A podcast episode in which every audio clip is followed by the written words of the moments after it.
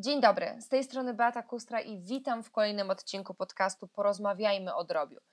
Dziś jest z nami dr Joanna Neuchow-Murawska, dietetyk dziecięcy, ale w pracy zajmuje się całą rodziną, od juniora do seniora. Przedmiotem jej zainteresowań i działania jest w pierwszej kolejności profilaktyka otyłości i chorób jej towarzyszących. Promuje aktywny styl życia i prawidłową dietę całej rodziny w, te, w radiu, telewizji, w social mediach, a nawet wraz z zaprzyjaźnionymi artystami wśród dzieci jako doktor witaminka. Dziś porozmawiamy o roli mięsa drobiowego w diecie Polaka. Nasz gość jest bowiem ambasadorem kampanii To jest nasz drób. Dzień dobry pani doktor. Dzień dobry. Na początek chciałabym zastanowić się, dlaczego warto postawić na drób. Które jego składniki pokarmowe są szczególnie ważne dla człowieka z punktu widzenia dietetyka? Spośród wielu gatunków mięsa zaliczanego do drobiu proponuję, abyśmy skoncentrowali się na mięsie kurczaka i indyka z uwagi na jego skład. Pierwszą zaletą mięsa drobiowego jest to, że ma ono naturalnie wysoką zawartość białka. No, rekordzistą w tym zakresie jest udziec indyka bez skóry, który zawiera prawie 20 gramów białka w 100 gramach produktu, dokładnie 19,4. Aminokwasy, z których składa się białko, tak zwane egzogenne, czyli te, których organizm człowieka sam nie potrafi syntezować, a zatem musi je dostarczyć z zewnątrz, umożliwiają wzrost młodym organizmom. Stąd ich źródło, jakim jest drób, jest tak bardzo pożądane w diecie kobiet w ciąży, mam karmiących piersią, niemowląt, małych dzieci i ich starszego rodzeństwa. Dostarczenie wspomnianych aminokwasów egzogennych do organizmu we właściwych proporcjach umożliwia maksymalne wykorzystanie ich w syntezie białek ustrojowych. Dlatego też pełnowartościowego białka potrzebują nie tylko dzieci, ale osoby dorosłe i seniorzy. Dalej, białko jest tym składnikiem diety, którego spożycia przyczynia się do wzrostu masy mięśniowej i odgrywa istotną rolę w jej utrzymaniu, jak również w utrzymaniu masy kostnej. Stąd drób jest bardzo cennym elementem diety sportowców i osób aktywnych fizycznie. No, jednak nie samym białkiem człowiek żyje, prawda? Całą pewnością, ale nie wyczerpałam jeszcze listy zalet mięsa drobiowego, w zasadzie dopiero się rozgrzewam. Drugą istotną zaletą drobiu jest niska zawartość tłuszczu. Mówiąc prosto, mięso z indyka jest chude, to samo powiemy o mięsie kurczaka. A ponieważ dla organizmu człowieka bardzo ważnym jest, jaki rodzaj tłuszczu spożywamy, to kolejną dobrą informacją jest ta, że mięso drobiowe, a więc zarówno kurczaka, jak i indyka, mają naturalnie niską zawartość nasyconych kwasów tłuszczowych. Z wielu badań naukowych wiemy, że ograniczenie podaży nasyconych kwasów tłuszczowych w diecie pomaga w utrzymaniu prawidłowego poziomu cholesterolu we krwi. Już te dwie cechy mięsa drobiowego sprawiają, że warto wykorzystać je w codziennym, e, w codziennym menu, ale dodam jeszcze kilka argumentów. Zarówno mięso kurczaka, jak i indyka są bogate w niektóre witaminy i selen, a ich łódka są źródłem cynku. Te dwa wymienione przeze mnie składniki mineralne odgrywają w organizmie człowieka bardzo istotną rolę, bowiem między innymi pomagają w prawidłowym funkcjonowaniu układu odpornościowego, na czym chyba wszystkim nam bardzo zależy. Obecność selenu pomaga zachować zdrowe włosy i paznokcie, a cynku dodatkowo jeszcze skóry. I to jest kolejnym dowodem, że w ładnym wyglądzie nie pomagają jedynie zabiegi kosmetyczne, ale też właściwie skomponowana dieta. Wspomniała Pani, że mięso drobiowe jest źródłem niektórych witamin. Mam takie wrażenie, że powszechnie witaminy kojarzą się z warzywami. I słusznie. Dodam, że warzywa i owoce są wyłącznym źródłem witaminy C. Jednak pamiętajmy, że witamin jest więcej i że znajdziemy je w wielu innych produktach.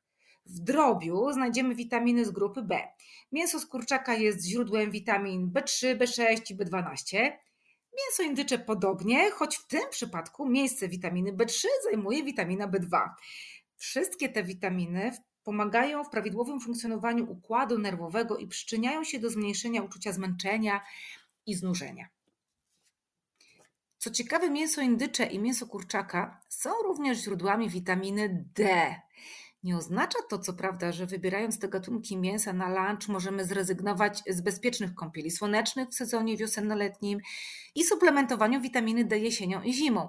Jednak z uwagi na wpływ tego składnika na organizm człowieka, każda jej ilość jest bardzo cenna. A o tym, że mięso drobiowe jest źródłem witaminy D, świadczy fakt, że takie właśnie oświadczenie żywieniowe zostało zatwierdzone przez Komisję Europejską.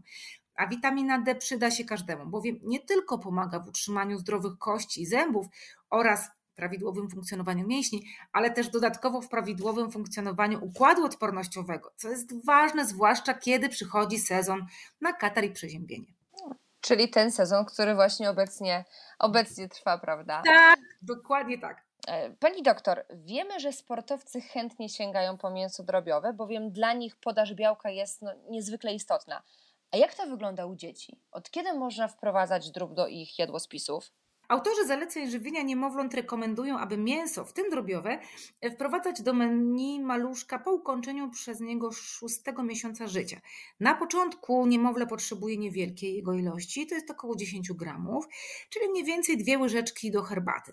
W miarę upływu czasu zwiększamy porcję mięsa dziecka, aby pod koniec pierwszego roku życia podawać już około 30 gramów. A jaki rodzaj mięsa drobiowego i przede wszystkim jak przyrządzony poleca pani doktor z punktu widzenia dietetyka? Drób jest naprawdę cennym surowcem dla kucharza. Ja nie chcę oczywiście wchodzić w jego kompetencje i mówić, jak przyrządzić go smacznie. Jedynie skoncentruję się na tym, jak nie pogorszyć w kuchni walorów dietetycznych, które posiada sam surowiec, czyli surowe, nieprzetworzone jeszcze mięso kurczaka lub indyka. Jeśli zamiast soli użyjemy ziół i przypraw, Wówczas nasze danie będzie zawierało mało sodu. Pamiętajmy bowiem, że mięso drobiowe charakteryzuje niska zawartość tego składnika. Optymalnym wyborem będzie oczywiście gotowanie na parze, pieczenie, duszenie bez podsmażania. Jestem pewna, że kucharz podpowie, jak to zrobić, aby danie było atrakcyjne. Jeżeli jednak postanowimy mięso drobiowe usmażyć, mm, a zależy nam na tym, aby kotlet nie był źródłem nasyconych kwasów tłuszczowych, to zrezygnujmy ze smażenia tłuszczu, który je zawiera. Zamiast smalcu wybierzmy oliwę lub olej. Aby nie zwiększyć kaloryczności naszego lunchu, zamiast smażenia w głębokim tłuszczu, przyrzucimy mięso drobiowe na patelni grillowej albo teflonowej. Tak się zastanawiam, czy mięso drobiowe ma zastosowanie w diecie osób cierpiących mm, na jakieś schorzenia? Czy może pani doktor podać przykłady takich diet, w których polecanym mięsem jest właśnie mięso drobiowe? Lista chorób, w których dietetycy polecają w żywieniu pacjenta mięso drobiowe, jest naprawdę długa. Eksperci z Narodowego Centrum Edukacji Żywieniowej oraz wielu autorów podręczników dietetyki, jak na przykład profesor Dariusz Wodarek, polecają mięsa indyka i kurczaka osobom stosującym dietę łatwostrawną. Ta dieta łatwostrawna, inaczej zwana łatwostrawną, dedykowana jest osobom z chorobami przewodu pokarmowego, m.in. we wrzodach żołądka i dwunastnicy, stanach zapalnych błony śluzowej żołądka, jak również w stanach gorączkowych, w czasie rekonwalescencji oraz osobom po zabiegach operacyjnych. I podstawową funkcją tej diety łatwostrawnej jest odciążenie przewodu pokarmowego poprzez ułatwienie trawienia oraz wchłaniania składników odżywczych. I oczywiście zalecenia dietetyczne obejmują wskazówki co do stosowania i, i eliminowania różnych technik kulinarnych, w tym wspomnianego już smażenia, jak również doboru i ograniczenia mm, spożycia innych produktów spożywczych. Mięso drobiowe ma również zastosowanie w profilaktyce oraz terapii chorób tzw. Tak dietozależnych. Myślę, że warto wspomnieć tu o chorobach na tle miażdżycowym, chorobach wątroby oraz niektórych chorobach nowotworowych. Drób z uwagi na niską zawartość nasyconych kwasów tłuszczowych należy do mięs zalecanych przez lekarzy i dietetyków, np. przez dr Białkowską, do wykorzystania w diecie tzw. Tak hipolipemicznej. A co to znaczy dieta hipolipemiczna? Nie wiem, czy dobrze zapamiętałam nazwę. Hipo oznacza obniżająca, a lipemiczna oznacza, że mówimy o lipidach, czyli tłuszczach, a tak dosłownie cholesterolu i trójglicerydach, czy triglicerydach, jak powiemy bardziej nowocześnie. A zatem mięso kurczaka indyka znajduje zastosowanie w diecie osób, które mają dyslipidemię, to jest podwyższone stężenie cholesterolu lub triglicerydów we krwi i są tym samym w grupie osób podwyższonego ryzyka rozwojem chorób na tle miażdżycowym lub już na nie chorują. Dlaczego? Przypomnijmy sobie o czym żeśmy rozmawiali na początku. Mięso drobiowe charakteryzuje się niską zawartością nasyconych kwasów tłuszczowych, a ograniczenie spożywania nasyconych kwasów tłuszczowych pomaga w utrzymaniu prawidłowego poziomu cholesterolu we krwi. I to dlatego osoby zagrożone rozwojem udaru mózgu czy niedokrwienną chorobą serca powinny wybierać drób. Mamy na to wiele dowodów. Jednym z nich są wyniki przeglądu systematycznego oraz metaanalizy dotyczącej wpływu spożywania różnego rodzaju mięsa na wystąpienie ryzyka udaru mózgu przeprowadzonej przez Kim i współpracowników w 2017 roku. Wykazały one, że związek wystąpienia udaru mózgu ze spożyciem mięsa zależy od jego rodzaju. Spożywanie mięsa białego, do którego zaliczamy mięso kurczaka i indyka, może wręcz obniżyć to ryzyko nawet o 22%. Po przeprowadzeniu tej analizy autorzy zasugerowali, że w stosunku do osób z grupy podwyższonego ryzyka, u których może się rozwinąć udar mózgu, powinno się rozważyć rekomendacje, aby w ramach zmiany stylu życia wybierały one mięso kurczaka lub indyka. Ale to nie jedyne takie wyniki badań. Podobne spostrzeżenia mieli inni badacze, którzy analizowali żywieniowe czynniki ryzyka rozwoju niedokrwiennej choroby serca i ostrego zawału serca. I oszczędzając już słuchaczom szczegółów analiz, wniosek jest jeden.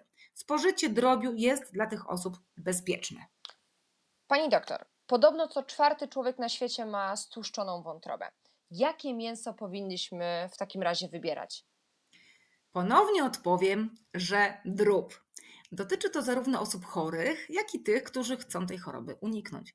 Powszechnie uznanym winowajcą żywieniowym e, za rozwój tej choroby jest oczywiście fruktoza, ale badacze wymieniają też inne czynniki, wśród nich mięso. Co ciekawe, wyniki starszych badań sugerowały, że jego spożycie może mieć związek z rozwojem stłuszczenia wątroby. Jednak stosunkowo niedawno grupa tych samych badaczy pod kierownictwem Zelbersagi przebadała większą grupę osób niż to było wcześniej i robiła to bardziej wnikliwie. I naukowcy ci doszli do wniosku, że to nie obecność mięsa w diecie jako taka, ale jego rodzaj i sposób przyrządzenia, innymi smażenie, mogą przyczynić się do rozwoju stłuszczenia wątroby. Pamiętajmy, że na pierwszym miejscu nadal jest wypijanie dużych e, ilości słodzonych napojów, ale pamiętajmy o rodzaju mięsa. Wspomniała Pani doktor o chorobach nowotworowych. Zapytam wprost, czy jedzenie mięsa może im sprzyjać? Jednym z przykładów na to jest wpływ sposobu żywienia na rozwój raka wątrobowo-komórkowego. W 2019 roku opublikowano wyniki badań z użyciem danych z dwóch dużych badań, tak zwanych kohortowych, czyli takich, w których uczestników badania obserwowano przez bardzo długi okres czasu i które pozwalały określić, jakie czynniki, w tym przypadku żywieniowe, mogły przyczynić się do rozwoju danej choroby. Ja mam na myśli badanie Nurses Health Study oraz, y, oraz The Health Professionals y, Follow-up Study, i okazało się, że spożycie drobiu oraz ryb związane jest ze zmniejszonym ryzykiem wystąpienia tego schorzenia zarówno wśród kobiet, jak i wśród mężczyzn.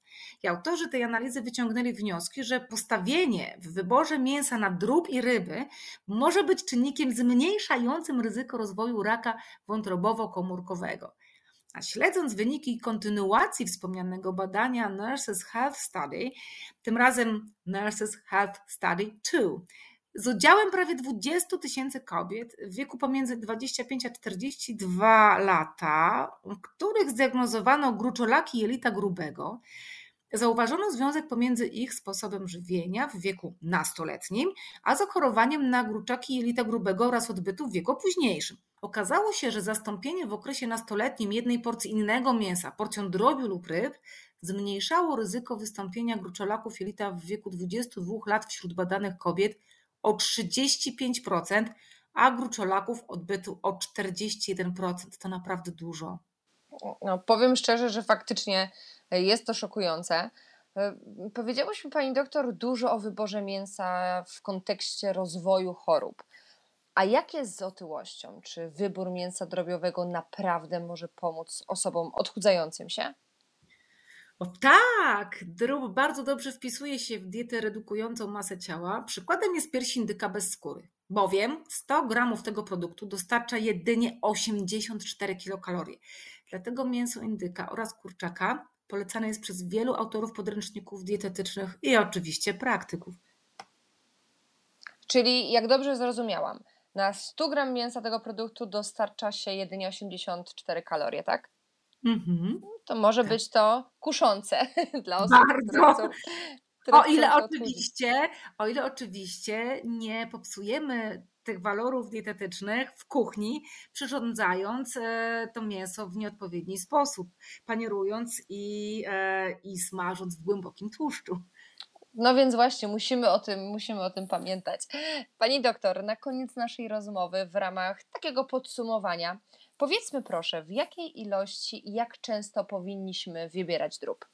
Najprostszym sposobem, aby przydzielić każdemu członkowi rodziny odpowiednią porcję mięsa, jest dopasować ją do jego dłoni. Inna porcja mięsa zmieści się w dłoni niemowlęcia, przedszkolaka, inna w ręku mamy, taty i seniora. I dokładnie tyle mięsa powinni oni zjeść. A inspirując się modelami żywienia takimi jak dieta śródziemnomorska czy dieta DASH, niech ten drób zagości na naszym stole 3-4 razy w tygodniu i niech kucharz zrobi z niego prawdziwą ucztę. Pani doktor, bardzo dziękuję za dzisiejszą rozmowę i myślę, że wszyscy dużo się z niej dowiedzieliśmy. Ja z pewnością z tej ostatniej podpowiedzi skorzystam i od dzisiaj będę patrzyła na moją dłoń. Ja również bardzo dziękuję za rozmowę. Było mi bardzo miło. Przypominam, że moim dzisiejszym gościem była pani doktor Joanna Neuchow-Murawska, dietetyk całej rodziny. Dziękuję bardzo. Audycja sfinansowana ze środków Unii Europejskiej w ramach kampanii To jest nasz drób.